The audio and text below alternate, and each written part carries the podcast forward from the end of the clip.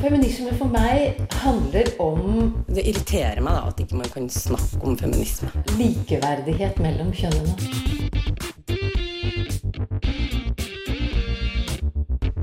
Det blikket på kvinnen på film. handlet om å bli tatt på alvor som jente.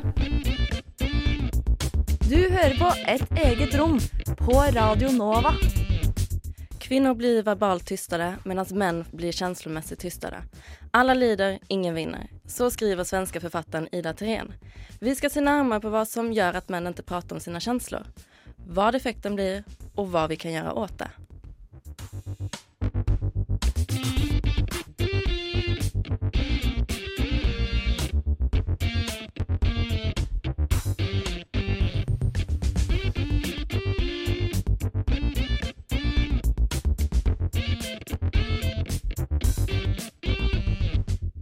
Hej och välkomna allihopa. Du hör på Radio Nova og och det feministiska radioprogrammet Ett eget rum. I studion med mig idag så har jag Andrea Scheid. Hei. Jag heter Sofia Fischer och så har vi tekniker Hilje Svensson. Och vi ska ju då prata om män och födelser eller män och känslor. Och då passar det väldigt fint för vi är ju kun damer her inne idag. at vi får litt manlig expert. Så vi har med oss lite gjester som kommer inn senere i programmet. Eh, Leif Erik Sørensen og Are eh, Såstad. Så ja, det skal bli veldig bra det her, tror jeg. Ja, jeg gleder meg til å få en litt eh, testosteron. i den her. Eh, ja, Men og følelser, hva, hva sier du, Andrea? Har du noe eh, forholdende til detta? Eh, Jeg tenker det var en sending som jeg gleder meg til, fordi at det er jo noe som blir snakka litt for lite om, da, tenker jeg egentlig.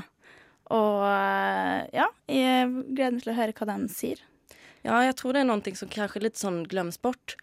Um, og jeg tror man som jente ikke helt tenker på menn og kanskje deres følelser og hvordan de uttrykker dem. Mm. Uh, Ja, det er sant. For det er jo mange måter å uttrykke følelser på. Så det skal vi jo se litt nærmere på. Eh, ja, det her med liksom skalaen av følelsesregisteret. Hvor, eh, hvor er det menn kommer til uttrykk, da? mm. Mm. Nettopp. Og jeg har jo vokst opp i en familie der vi kun er jenter. For jeg har jo bare søs altså, søstre. Men eh, ja, hvordan har det sett ut hjemme hos deg?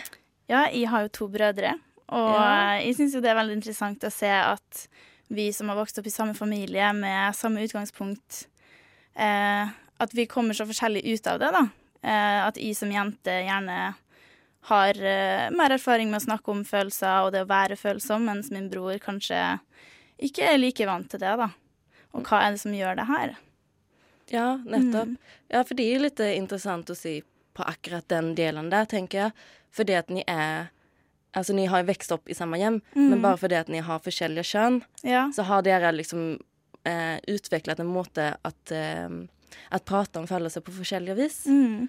Uh, och det, jag tänker att det är någonting vi vi, vi tenker jo ikke på det. Altså, vi damer, vi har ju väl, Ja. vi snakker jo alltid veldig mye med hverandre og med venninner Mm. og med mor og moren og, og sånne ting. Så at, uh, jeg tror at det, det her kan bli en skikkelig nyttig sending tror, jeg hoppas jeg får lære meg masse, i hvert fall. Ja.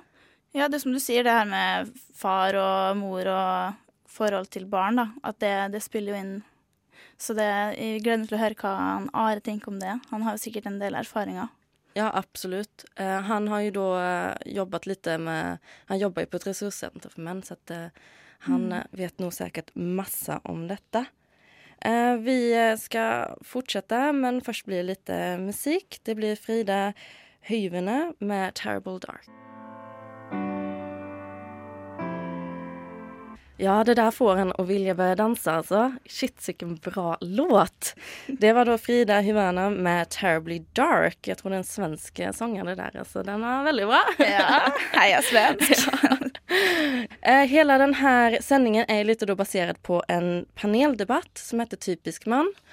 Og den 27 november da, i 2017 så tog Ann-Marie Sundet eh, trikken ned til eh, Kulturhuset och med sig hade hon en opptakare.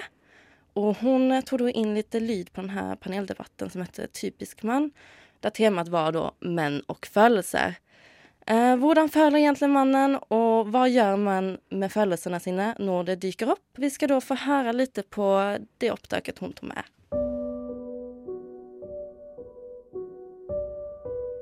Den 27. november 2017 så arrangerte ROS, eller Rådgivning om spiseforstyrrelser, en panelsamtale hvor temaet var typisk mann.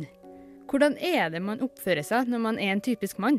Og hvorfor oppfører man seg akkurat sånn?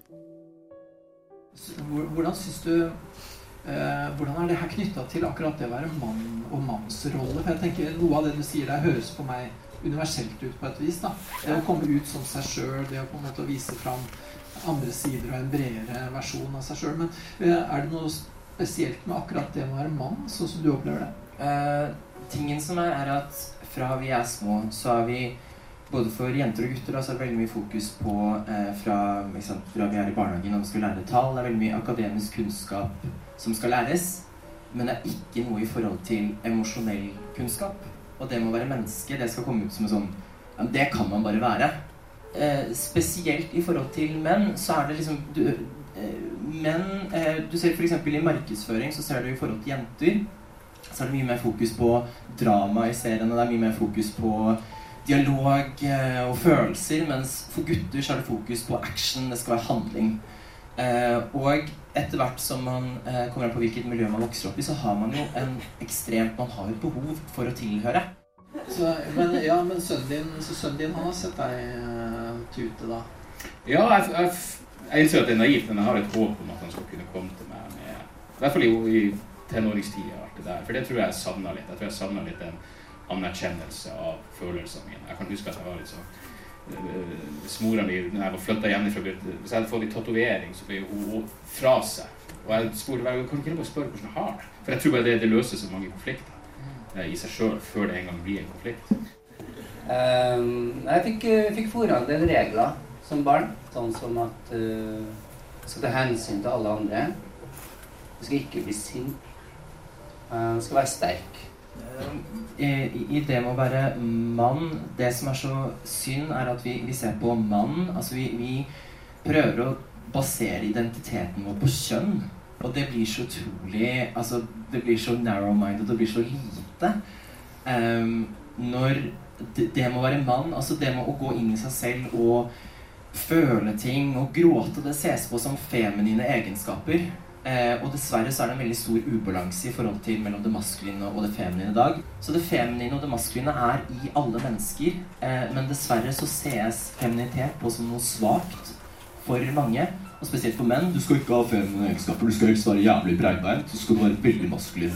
Ikke sant? Når jeg håndhilser, så skal jeg gjerne ta det ovenfra for å vise at jeg er dominant. Jævlig hardt, og så skal jeg ikke klemme deg, jeg skal banke deg på ryggen. Liksom, for følelser er jo eh, Sånn sett så er jo følelser subjektivitet, ikke sant? Mm. Og det er jo noe av det som både er eh, Tenker jeg i hvert fall da, noe av både det bra og det kompliserte med følelser. Det er jo det at det er subjektivitet. Altså om det er òg altså, Jeg fikk ingen som sa at du skal ikke føle. Nei, nei, nei. Men uh, de gangene jeg, jeg gikk til, til mine nærmeste og hadde et eller annet som jeg sleit med så var eh, responsen jeg fikk da, den var eh, Trenger du å snakke med en psykolog, Jørgen? Nei, jeg trenger å snakke med dere. Det er derfor jeg er her. Men da, da måtte jeg opp på rommet mitt da, og så prøve å finne ut av det her sjøl. OK, så menn har blitt fortalt av samfunnet og av folkene rundt seg at de ikke skal uttrykke følelsene sine. Men eh, de forsvinner jo ikke. Hvordan takler man det her da, når man ikke kan snakke om følelser til noen? Um, i hvert fall for, min egen del så, så, kan jeg kjenne meg igjen i akkurat det å, å stenge, stenge, det inne. Og kanskje ofte ty til eh, nærmest flukt. da. Flykte fra det og, og um, rett og slett gå litt, sånn, litt i kjelleren. Hvis det blir for mye. For meg så, så ble det sånn at eh, feil som mann og, og skal være følsom. Da må jeg prøve, prøve noe annet da, for å bli akseptert. Så du vokser opp med et sånn bilde av hvordan du skal være, istedenfor bare å være. Så kan det være litt vanskelig å faktisk connecte på, på det her følelsesnivået igjen, og så tørre å, å åpne seg, da. For det kanskje kan være en, en stor frykt der for å få en avvisning igjen. Det var kanskje ikke det med at man lukket seg, men det er det der med å finne andre mennesker som også forstår din verden. Da. For man føler seg litt Hvis man da la oss si er i en, en mannsgruppe hvor det er liksom Man snakker ikke om følelser når man er bare på den måten der, sånn, så er det Da har du ikke Du, du må bryte den, den ukulturen. For det er en kultur, en mannskultur, som er negativ. Eh, og man må være bevisst på den, og man må kunne bryte den. Eh, alle mønstrene må man være bevisst på for å kunne bryte. Vi har en sånn utrolig teit idé om at det kognitive og det emosjonelle og det kroppslige er atskilt. Og det må vi bare liksom Det bare sier jeg nå. Just forget that, because that is bullshit. Det er, alt er en symbiose, og ting som ikke ja, Vi merker det når vi blir stressa. Eh, og så setter det seg i skuldrene ting som Eller du kan gå og få en massasje, og så plutselig begynner du å grine. Og så skjønner du ikke hvor det er. Det er noe som løsnet. Så alt det som vi kanskje ikke er bevisst kognitivt eller emosjonelt greier å prosessere, prosesserer kroppen vår. For den har en egen bevissthet av seg selv. Eh, og det er veldig viktig å anerkjenne det. At vi er komplekse og sammensatte. Så, så jeg, jeg, vet ikke, jeg føler egentlig at mannsrollen sånn sett er i ferd med å bli utvida, og at det er mer plass til uh, følelser. Jo, men jeg tror det er mye som bare har forandra seg der. bare i forhold til, jeg Sånn som farsrollen. Jeg husker bare mora mi har kommentert liksom at hvor utrolig mye mer til stede jeg og broren min er i livet til ungene våre enn faren min var. Han var ikke fraværende eller noen ting. Det var bare enkelte ting som var en selvfølge at hun skulle ta seg av, som nå er en selvfølge at vi deler på. Og det gjør selvfølgelig noe med det følelsesmessige forholdet òg, og hvor åpen man tør å være i forhold til Hvor, hvordan eh, har det seg at du er en så annerledes far? Det er vel bare at jeg har vokst opp i denne tida. Jeg tror ikke det har så veldig mye med meg å gjøre. Det er vel en eller annen form for generell Skal jeg våge meg å si moralsk fremgang? Jeg tror det er en viktig ting du sier her, det at det ikke nødvendigvis har så innmari mye med akkurat deg og akkurat han å gjøre, men at det har noe mer strukturelle ting. da. At det er ikke bare at plutselig så er tilfeldigvis alle menn så veldig opptatt av følelser. Det er, det er jo noe strukturelt som gjør at det har blitt sånn.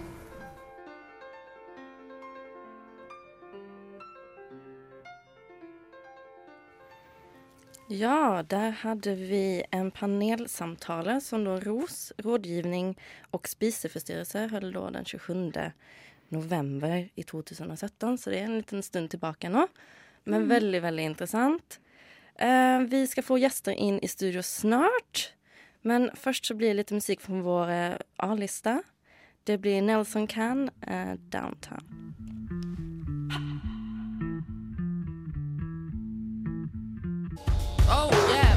Point feminism is not about being better than men. Is it? Et eget rom prøver å finne ut hvor mye feminisme egentlig kan være. Hver mandag på Radio Nova.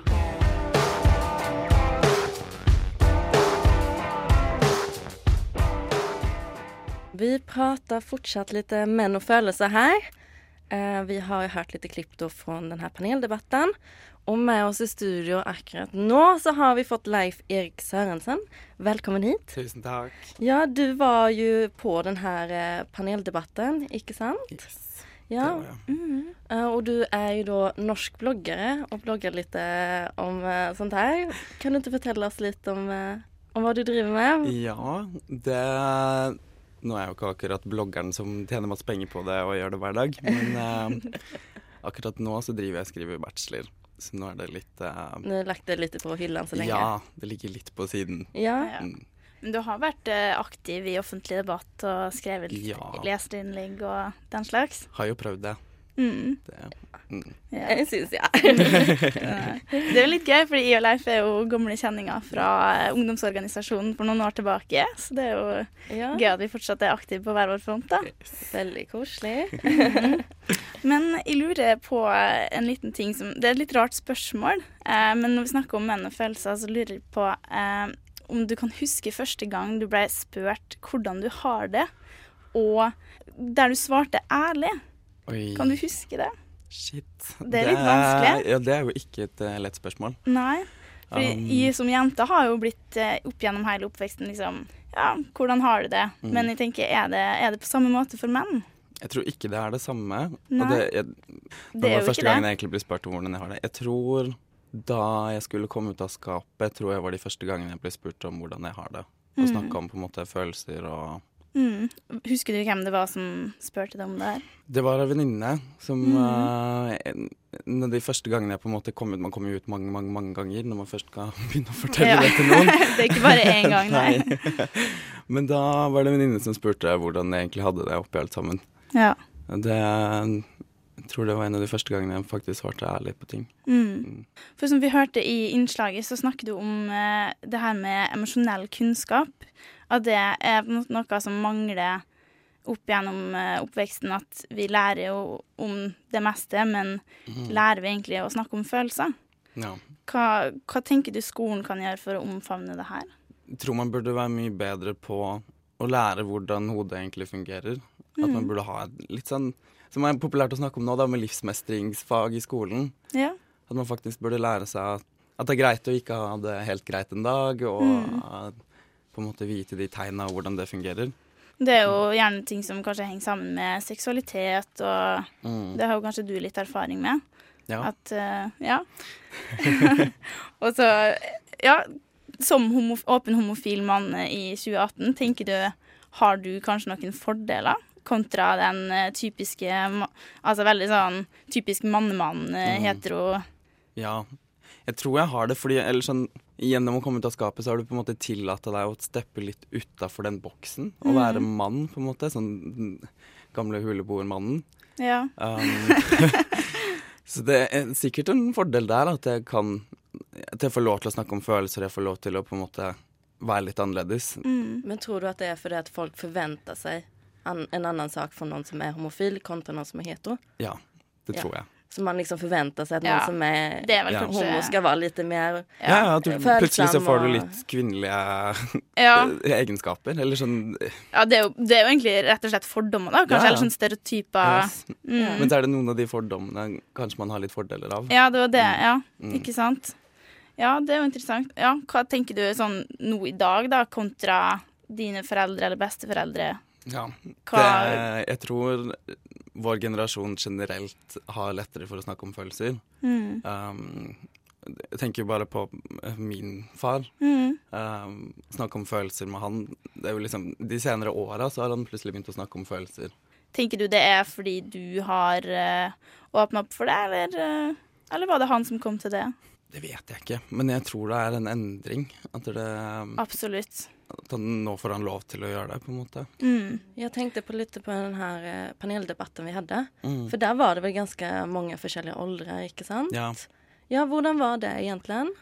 Det, vi var jo veldig forskjellige typer mennesker som var der. Ja. Um, og det var interessant å se hvordan på en måte jeg Eller sånn jeg som en del av min generasjon, hvordan jeg snakker om følelser versus um, hvordan på en måte de som er litt eldre og har barn, Mm. og hvordan de Mm. snakker om følelser. Mm. Men så føltes det ändå som ni hadde en ganske Ni tenkte ganske likt nå? Eller var det liksom sånn at ni Jeg tror jo at det var mye som var likt der, Ja. men det um, er jo sikkert forskjeller der òg. Men eh, ja. Altså det er jo, ja, som du sier, at det har vært en endring, da, gjerne i at man At det er større aksept for Mm. at menn kan snakke om følelser, og Mm. jeg tenker det Det har ikke alltid vært sånn, men nå er det jo mer åpenhet for det, og ja, da er det jo viktig at man på en måte ut, bruker det, da. ja. Men uh, det spørs jo om uh, Ja, kanskje man liksom Hvis det er forventa at man skal snakke om det nå, så er det, betyr ikke det at det nødvendigvis er så mye enklere, da. Mm. Og uh, ja. Men jeg tror menn snakker om følelser hvis man gir dem muligheten til det. Mm. Ja, det er det, da. På en helt annen Jeg tror kanskje Eller sånn min erfaring med på en måte mine venner er litt sånn Jenter er mye lettere for å snakke om følelser rett ut og på en måte ta den samtalen. Mens gutter på en måte må få den arenaen hvor de får lov til å snakke om det. Ja. Og da er man kanskje litt mer on point, da. Eller sånn man er, sier på en måte Ja. rett ut hvordan det er. Ja. mer, men det er det å gi den arenaen og gi den plassen og gi den muligheten til å kunne snakke om den. Mm, ja. Og så er det jo også det med Altså, hvilke følelser er det det blir snakka om? Jeg tenker Det blir som regel snakka om sinne og aggresjon. Når altså sånn bare når vi skal gjøre research til eh, sending om menn og følelser, så er det liksom Det er aggresjon som kommer opp, det, og det er også fryktelig mye om eh, eh, menn, følelser og sex. Og det er liksom det, det er jo ikke nødvendigvis eh, kun aggresjon og Mm. sex eh, vi skal tenke på når vi snakker om følelser. Akkurat Så- som menn bare føler sinne. ja. Så, og så er det jo ja, hvordan man vi, eller uttrykker følelser. Da. Det tenker jeg også er veldig viktig, og at menn får bli kjent med det. da. Mm. Ja, vi skal snakke litt videre vidare om dette. Vi skal få inn en til man her i studio. Balansere ut det litt. Eh, först så skal vi høre musik fra vår underbara A-lista. Om du ikke har hørt på den allerede, gjør det, for den er kjempebra. Her kommer Shitkit med You.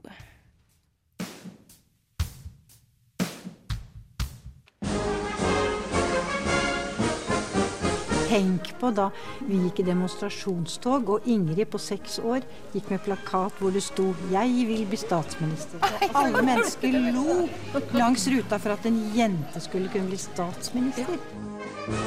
Du hører på Et eget rom på Radio Nova. Sånn, ja, vi har fremdeles med oss Leif Erik i studio. Eh, men nå har vi også fått litt besøk fra Are Såstad. Du er daglig leder for Reform. Det er riktig. Ja, Velkommen hit. Takk skal du ha. Så hyggelig at du kunne komme i dag. Fint vær. Ja, det er det virkelig. Vi har fint vær. Veldig, veldig kaldt, men veldig fint. Soligt og fint. Ja, vi har jo snakket masse da om menn og følelser. Men vi kom jo inn litt på det her med forskjellige generationer. eh, og hvordan det, hvordan det forskjellen da på kanskje hvordan man uttrykker sine følelser og sånt. Eh, har du noen tanker om dette, Are? Ja, jeg tror vi går i riktig retning. Jeg tror at eh, yngre mennesker, yngre menn, som vi er mest opptatt av, altså gutter og menn, er bedre til å snakke om følelser enn eh, oss eldre menn. og tidligere generasjoner som ofte har hatt store vanskeligheter med å ja, både snakke om følelser og, og kanskje også kjenne de følelsene som, som de sitter med. Mm. Når det er sagt, så er det ofte sånn at vi har glemt å gi gutter og menn en anledning til å snakke om følelser. Det er ikke så mange rom hvor det skjer. Et eget rom som dere har her nå, er jo en anledning. Ja, absolutt. At det ikke finnes mulighet for menn at, eh, at kunne uttrykke sine følelser, tenker du? Ja, vi spør i liten grad hva gutter og menn tenker, hva de føler. Vi er mer vant med å gjøre det når det gjelder jenter og kvinner. Ja. Det er nok en kulturell oppfatning, en samfunnsmessig oppfatning av at uh, det er kvinnene som skal være bærere av følelsene. Ja, for da kan man knytte knyta det sammen med det her med å være, som vi diskuterer det, at være homofil. At da er man sett på kanskje mer kvinnelig på en måte, og da blir det mer ok å, å vise følelser. Ja. Kan det være et problem også? At, at det her med at, at vise sine følelser skal være, er jo et kvinnelig trekk. Uh, at man er litt sånn redd kanskje for å uh, bli satt i den uh, båsen. Ja, det er nok mange som oppfatter det som eh, noe vanskelig å, å, å være med på. Altså at man skal ha en, en kvinnelig side ved seg for å kunne snakke om følelser. Jeg tenker at dette er en menneskelig side. Og det at vi har fått så mange flere og så mye større åpenhet rundt det å stå fram som skeiv, betyr i, også at vi har fått en, en større åpenhet for å kunne snakke om, eh, om det som tradisjonelt har vært oppfattet som feminine verdier. Mm. Eh, så sånn sett så er kampen for, eh, for åpenhet for skeive, den, den er faktisk vesentlig for menn. Ja. ja, det er jo sånn at det, det ene henger sammen med det andre. Altså kvinnekamp eh, og altså, kjønnsforskning og mannskamp. Altså alt henger jo sammen. Så vi må jo ha med oss menn på, på lasset, liksom. Ja. Mm. Det er fint at dere sier, det har jeg også oppfattet at de fleste i den tradisjonelle kvinnebevegelsen også tenker. Mm. Ikke alle gjør det, tror jeg, enda, men det er, det er viktig at vi tenker at likestillingskampen som fortsatt pågår Vi er langt unna en reell likestilling i Norge, både når det gjelder kvinner og menn, og folk med en annen kjønnsidentitet, for den saks skyld. Ja. Men vi er nødt til å jobbe med dette, og, og, og da må vi også se at det finnes noen særegne utfordringer for, eh, for gutter og menn da, som er knyttet til absolutt. tradisjonelle maskuline idealer. Mm. Jeg tenkte litt, eh, Leif eh, Erik, du som er litt med i denne eh, homodebatten kanskje i Oslo. Ja. Merker du en forskjell med generasjoner, eller er det liksom ganske likt? eh, Blant homofile, tenker du ja, da? For jeg tenker at homofile kanskje oftest har en litt bedre arena å stå på når det kommer til følelser. Ja, det tror jeg nok. Jeg tror nok det er stor forskjell mellom på en måte eldre Nå skal jeg ikke snakke om alle skeive, men Nei. eldre homofile menn og yngre homofile menn tror jeg det er en Ja. ganske stor forskjell. Jeg tror kanskje at eldre homofile på en måte har vanskeligere Man har hatt på en måte en kamp, da, og kamp med, med seg selv på en Mm. helt annen måte, som gjør at man er litt Jeg tror mange er litt numne for følelser. Jeg, jeg vil gjerne føye til der at eh, det er ikke lenge siden det var forbudt å være homofil Mm. i Norge. Altså aktivt praktiserende mannlig homofili Ja. var jo faktisk forbudt fram til 1971. Ja. Sånn at det er ikke så rart at eh, kampen tidligere har faktisk gått på legalisering, og det i hele tatt å bli anerkjent som Mm. å ha en seksuell, eller seksuell orientering som ikke da har vært eh, heterofil. Mm. Sånn at eh, det at det nå er enklere for unge menn, eh, unge homofile i det hele tatt, det tenker jeg er eh, fordi disse mennene som har stått i denne kampen, har gjort denne, og kvinnene, har gjort en sånn fantastisk eh, innsats. Mm. Ja, absolutt. Jeg tenker sånn fra altså, homofil, hetero, altså det her med forhold, da, parforhold, eh, så er det jo det at menn ikke eh, har vært vant til å snakke om følelser, det er jo et problem for menn, men det er jo også, blir jo da også et problem for kvinner, og gjerne i parforhold, at den ene parten på en måte ikke fått ta til orde der, da. Absolutt. Er det noe dere i Reform har eh, erfaring med? Ja, massevis. Mm. Det er, vi jobber med det daglig. Vi forsøker å få menn til for det første å snakke om sine egne utfordringer, enten det er fordi de selv har en utfordring med eh, f.eks. vært utsatt for et seksuelt overgrep eller vold, eller selv utøver vold, eh, eller på annen måte har en eller annen slags eh, ubalanse i sitt eget følelsesliv. Og det interessante der er at det er veldig mange menn som faktisk er interessert i å snakke om det, når de først får en anledning til å gjøre det. Ja, det er jo det da, å få anledning til å gjøre det, ja. Ja. Mm. Og det er vi fortsatt for dårlige til. Vi gjorde en undersøkelse i fjor, vi kalte den for Reformundersøkelsen, og de som er interessert i det, kan gå inn på vår nettside reform.no og lese hele den undersøkelsen. Og en av, et av spørsmålene der var i hvilken grad både menn og, menn og kvinner, alle som ble spurt, var en landsrepresentativ undersøkelse, i hvilken grad de hadde en nær fortrolig å kunne betro seg til. Ja. Eh, og det var en nedslående undersøkelse eh, når vi så på de generelle tallene, fordi da var det omtrent halvparten av eh, antallet kvinner som menn som sa at de hadde en nær fortrolig å snakke med. Og da inkluderte vi også en partner i det. Men det interessante å se er jo at, som vi også var inne på her i stad, at de yngre mennene svarer mer positivt på det enn det de eldre mennene gjør. Ja. Men jeg tenker at det er jo Det var liksom en undersøkelse landsbasis, ikke Ja. sant? Eh, altså, Oslo er jo ennå sett som den mest like, likestilte byen eller stedet i Norge. Eh, er det ikke ganske stor forskjell på om du vokser opp utenfor Oslo kontra om du vokser opp her inne i Oslo? Jo, det er det.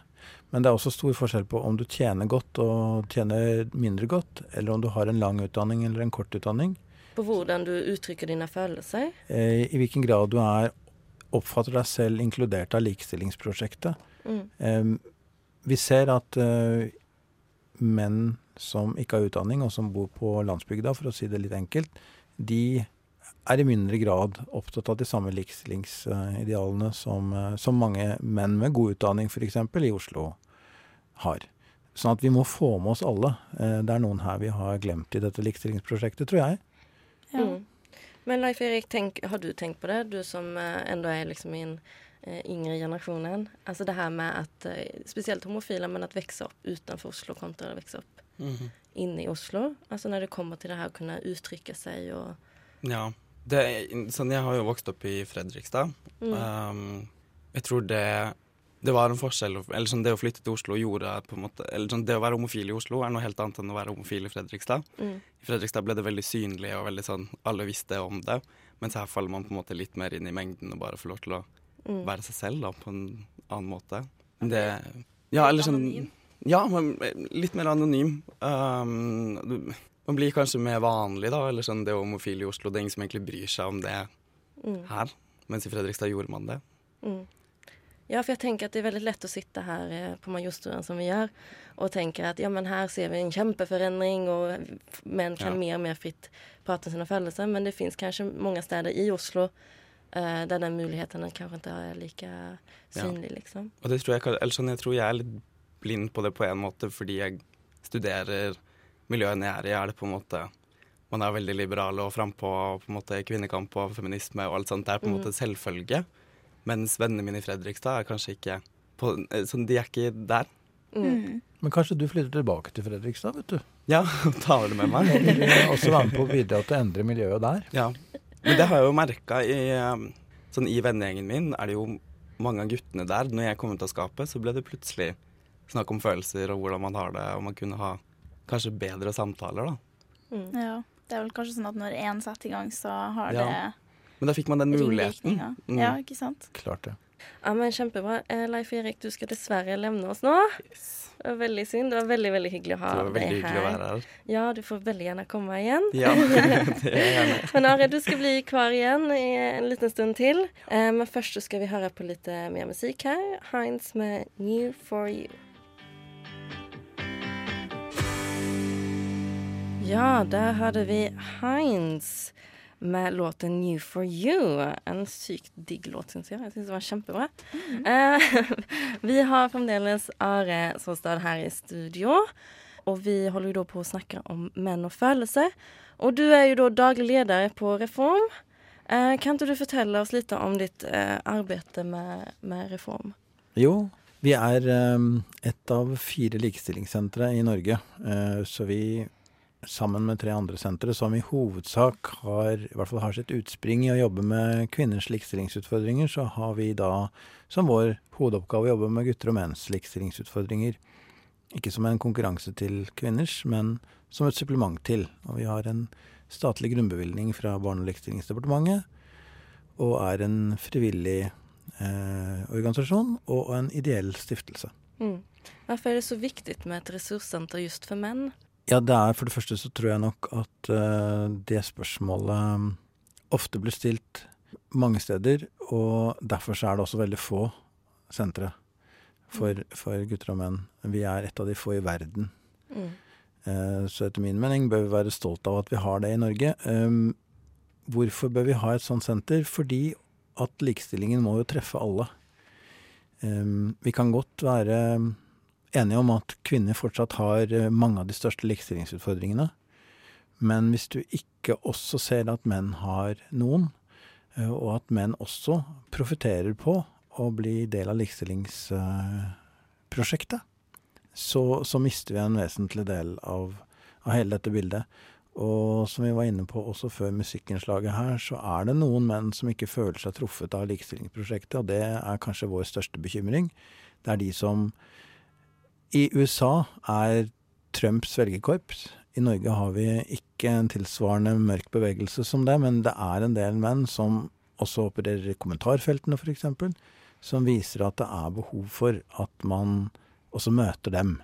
Og noen av de mennene har faktisk noen utfordringer som de må bli møtt på. F.eks. det at veldig mange menn mister samværet med barna sine etter samlivsbrudd. Mm. Fortsatt er det et stort problem. Eh, det er det viktigste for eh, mennesker som har fått barn. Det er i livene deres, er barna deres. Og hvis man mister omsorgen, samværet med barna, så blir man ofte bitter. Og det er farlig. Men jeg tenker at det her med følelser og synen som samfunnet generelt kan ha hatt på følelser med menn og kontra følelser for kvinner, har veldig mye å si eh, hvordan, man må, hvordan man dividerer i barntvister. Ja. Eh, Vi ser først og fortsatt så ser vi jo på kvinner som en primær omsorgsgiver. At kvinner på en måte er født med omsorgsevne. Det er en belastning for mange kvinner, det faktisk. For en del kvinner blir jo tilkjent eh, foreldreretten, men føler ikke nødvendigvis at det er dem som passer best til det. Eh, og hvis de da ikke tar imot, så vil de bli bedømt av samfunnet som å være svikere for sine egne barn. Menn blir i mye mindre grad vurdert på den måten. Vi blir sett på som forsørgerne av familien fortsatt, i hovedsak, mens kvinnene er omsorgsgiverne. Men vi er, ingen av oss er født til å være omsorgsgivere for barn, vi må lære det. Mm. Og menn har like store evner til å kunne gjøre det. Mm. Ja, Man ser jo også at uh, menn uh, i større grad er, jobber i omsorgsyrker. Og det er jo kanskje med på å bidra positivt Ja, til det her. da. og det er helt riktig. Norge ligger sånn sett ganske godt an i verden, men vi ligger allikevel svært dårlig an når det gjelder prosenten her. Det er bare f.eks. 10 eh, menn som er sykepleiere, Mm. og en 10-12% i barnehager som er ansatte med, som er menn. Og det er svært, svært lite, og der står vi nesten på stedet hvil. Så vi tror at det kjønnsdelte arbeidsmarkedet faktisk er vår kanskje aller største likestillingsutfordring. Mm. Akkurat i øyeblikket så har vi et veldig spennende prosjekt, et eh, nordisk ministerrådsprosjekt, hvor vi samarbeider med aktører i Danmark og Island for å se på hvordan man kan rekruttere til og beholde menn på sykepleierutdanningen. Ja. Men det er vel litt det som med psykologer og sånt også, at det er mest kvinner som utdanner seg til psykologer og menn kanske føler at de ikke har en plattform å gå til der de kan prate. Ja, og Eh. der har det vært en endring, så det er mye færre menn på psykologistudiet nå enn det var tidligere. Eh, og det er bra, for det kvinner skal jo opp i, i akademia, få, få de posisjonene som menn tidligere har hatt. Men eh, nå er vi i ferd med å tippe over i den andre retningen, sånn at det nesten ikke er menn igjen der. Mm. Og Da er det jo viktig at man tar i bruk noen av de samme virkemidlene som man gjorde for kvinner, nemlig kjønnspoeng, og at man forfordeler faktisk. Man får en, en fordeling som er mer kjønnslik, da. Det er vi Ja. opptatt av. Dere tilbyr jo samtaler på reform. Ser dere en, på en måte, Er det sånn at menn helst vil snakke med menn, eller hva er erfaringene deres der? Og hva, Mm. hvordan foregår de her eh, samtalene? Ja, vi har en terapeut, to terapeuter hos oss. De er begge to menn. Um, men vår erfaring er at det er ikke nødvendigvis kjønnet du snakker med som er avgjørende. Hvis det skulle Mm. vært det, så ville vi f.eks. sagt at da ville helsevesenet ikke vært mulig for menn å bruke, for det er nesten bare kvinner som jobber i helsevesenet. Ja. Eh, det er ikke noe galt med de kvinnene. Eh, det største problemet er at menn ofte ikke selv syns at de har et sted de kan henvende seg for å kunne snakke om følelser på en god måte. Så vi har hatt et veldig spennende prosjekt som vi er ferdig med nå, som vi akkurat har lagt ut en rapport om på vår nettside, eh, som handler om samlivskurs for menn. Hvor vi bare har hatt kurs for menn som sliter i samlivet, men ikke med partner. Ja. Og det høres ut som en motsetning, at man ikke tar med partneren på samlivskurs. Men hensikten var at vi vet at mange menn ikke går på samlivskurs. De vil ikke gå sammen med partneren sin, med, som ofte da er en kvinne, Mm. fordi at de opplever det som eh, en kvinnelig arena. Så vi har forsøkt å lage det til også en mannlig arena. Ikke fordi at menn skal bare snakke med hverandre, men begynne der, og etter hvert også snakke om følelser i sitt eget samliv. Og det har veldig gode resultater, dette prosjektet. Mm. Men hva tror du effekten har vært nå at menn ikke har snakket om sine følelser? Ja, eksempel, nå er det jo metoo som ruller over verden. Og metoo har også gitt en ventil for mange menn som har vært utsatt for eh, krenkelser og overgrep, til å kunne snakke om sine krenkelser og overgrep. Mm. Eh, på det beste har metoo fungert sånn.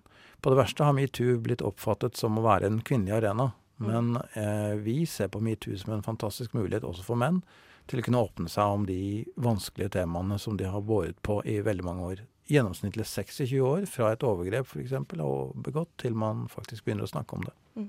Det er veldig kjekt å høre at, at ni føler at metoo liksom har vært inkluderende. For det, det er jo noe vi også jobber veldig mye med, at uh, denne feministdebatten skal være så inkluderende det bare går.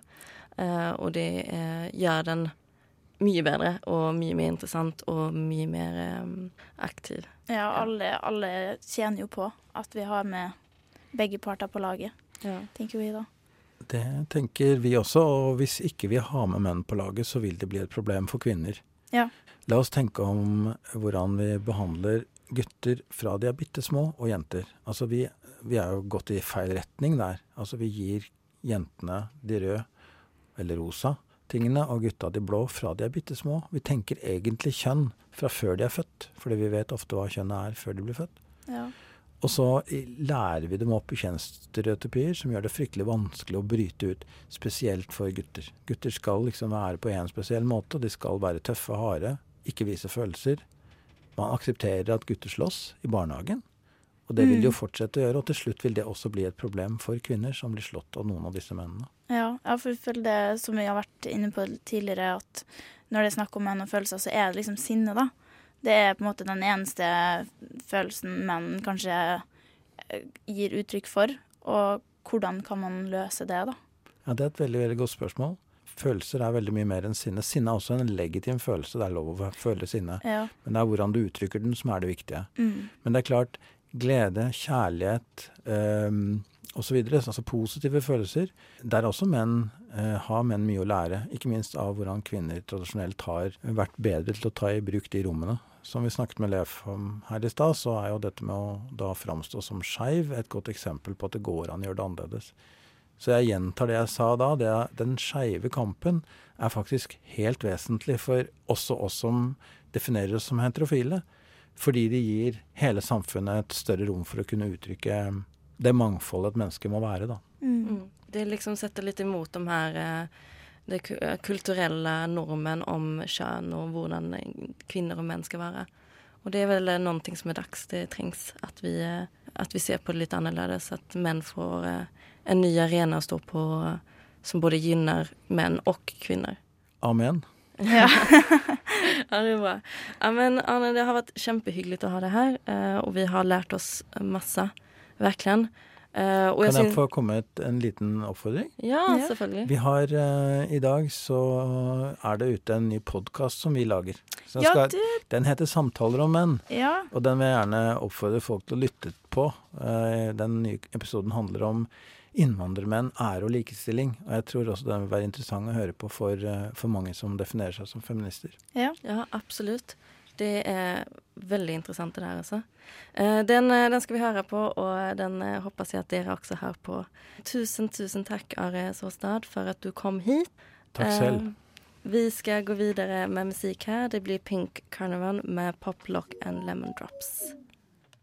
Toot that thing up, mommy, make it roll. Once you pop, pop, lock it for me, girl, get low. Ja, du hørte Pink Carvan med Pop Lock and Lemon Drops. Det är faktiskt ett samarbete mellan eh, eh, Nameshake och eh, ja, Poplock Lemon Drop. Ja, ja, det var väldigt sån catchy. Jag gillar det. Det är också A-lista. Så här på Ja. A-listan. Jag promoterar den väldigt masse nu. Den är kjempebra. ja, vi har ju haft eh, lite gäster här i studio. Väldigt, väldigt lärorikt. Eh, og veldig greit å få litt menn inn eh, til å snakke litt om det her med følelser og menn, som har vært eh, temaet. Ja, og nå kom jo han Are med i forkjøpet og anbefalte den podkasten som de i Reform har. Og fra det ene det, den ene podkasten til den andre så hørte jeg en eh, podkast eh, hvor eh, forfatter Jørgen Lorentzen var med. Eh, og han er da eh, eh, veldig opptatt av det her med forskning på kjønn, og Mm. hvordan vi har gått fra å ha kvinneforskning, altså, ja, kvinneforskning da, på 1970-tallet til eh, kjønnsforskning på 1990-tallet, hvor man da Altså, det er ikke så lenge siden vi snakka eller begynte å se på det med mannsforskning. Og det er jo veldig sentralt når det kommer til eh, likestilling og feminisme, at vi må jo vi må på en måte ikke glemme mennene heller. Ja. Han møtte jo mye motstand Mm. eh, når han prøvde å altså, promotere det her da, med mannsforskning. Fordi kanskje man hang litt igjen i at ja, men det er liksom kvinner vi må kjempe for. Men vi må samtidig ikke glemme mennene da, og deres uh, utfordringer. Ja, det er vel litt det også at for å kunne få ordentlig likestilling, så må vi eh, ha begge kjønnene. Og vi må ha en debatt liksom eh, sammen. Mm. Vi har dessverre kommet mot et slutt her i et eget rom. Eh, Vi som varit i studio är Andrea Scheid och jag Sofia Fischer. Tusen tack till vår tekniker Hilje Svensson och våra gäster Leif Erik Sørensen och Are Såstad. Nästa uke så ska vi snakke om trans. Så hør på oss da. Tusen takk. Ha det bra.